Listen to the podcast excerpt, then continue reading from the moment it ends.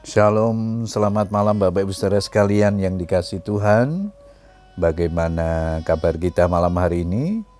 Doa saya Bapak Ibu Saudara sekalian bersama dengan keluarga dalam keadaan sehat dan bahagia dalam perlindungan dan penyertaan Tuhan.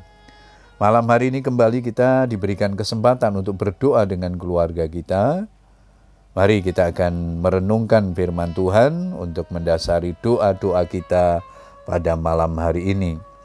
Firman Tuhan malam hari ini diberikan tema cara pandang kita mempengaruhi hidup kita.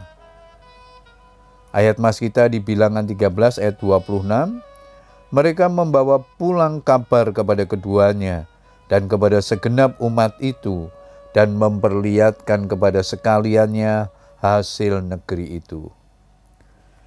Masalah yang dialami, situasi atau keadaan yang terjadi di sekitar bisa berdampak buruk, namun juga bisa mendatangkan kebaikan. Hal itu bergantung dari cara kita memandang atau menyikapinya. Masalah berat dan situasi sulit sering kali menjadi beban yang begitu menekan dan membuat orang menjadi patah semangat dan menyerah hati dan pikiran dikuasai oleh ketakutan dan kekhawatiran, sampai akhirnya sikap pesimis pun menguasai. Suatu ketika Musa mengutus 12 orang pengintai untuk pergi mengintai tanah Kanaan. Kedua belas orang itu adalah para pemimpin dari masing-masing suku di Israel. Menjadi perwakilan suku berarti bukanlah sembarang orang, melainkan orang-orang pilihan yang memiliki potensi dan kualitas hidup yang sangat mumpuni. Namun, meski sama-sama mengintai tempat atau objek yang sama, dan lamanya waktu untuk mengintai juga sama, yaitu 40 hari.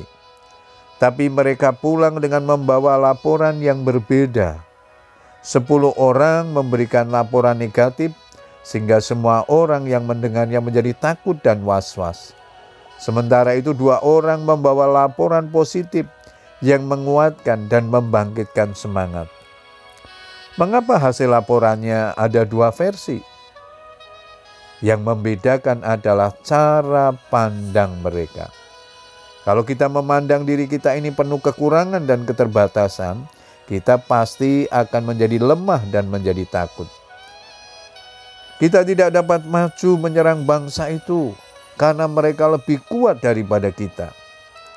Mereka merasa kecil, sedangkan musuh tampak besar seperti raksasa yang sepertinya mustahil untuk dikalahkan. Mereka langsung gemetar melihat orang-orang yang mendiami Kanaan berperawakan seperti raksasa. Bapak Ibu saudara sekalian yang dikasih Tuhan, jangan mau dikalahkan situasi Jangan termakan provokasi iblis. Kita harus punya iman seperti Yosua dan Kaleb. Kita akan maju dan menduduki negeri itu sebab kita pasti akan mengalahkannya. Iman Yosua dan Kaleb menjadi bangkit oleh karena pandangannya terarah kepada Tuhan. Mazmur 16 ayat yang ke-8, Aku senantiasa memandang kepada Tuhan, karena ia berdiri di sebelah kananku, aku tidak goyah. Pandanglah terus hanya kepada Tuhan Yesus, karena bersama Dia kita pasti sanggup menanggung segala perkara, dan kita akan menjadi pemenang-pemenang dalam kehidupan ini. Puji Tuhan, Bapak Ibu saudara sekalian yang dikasih Tuhan, mari kita tetap semangat berdoa, terus berharap dan bersandar kepada Tuhan arahkan pandangan rohanimu kepadanya. Sesulit apa pun pergumulan yang kita hadapi hari-hari ini, Tuhan pasti menyertai kita dan bersama dengan Tuhan kita akan menjadi pemenang-pemenang kehidupan.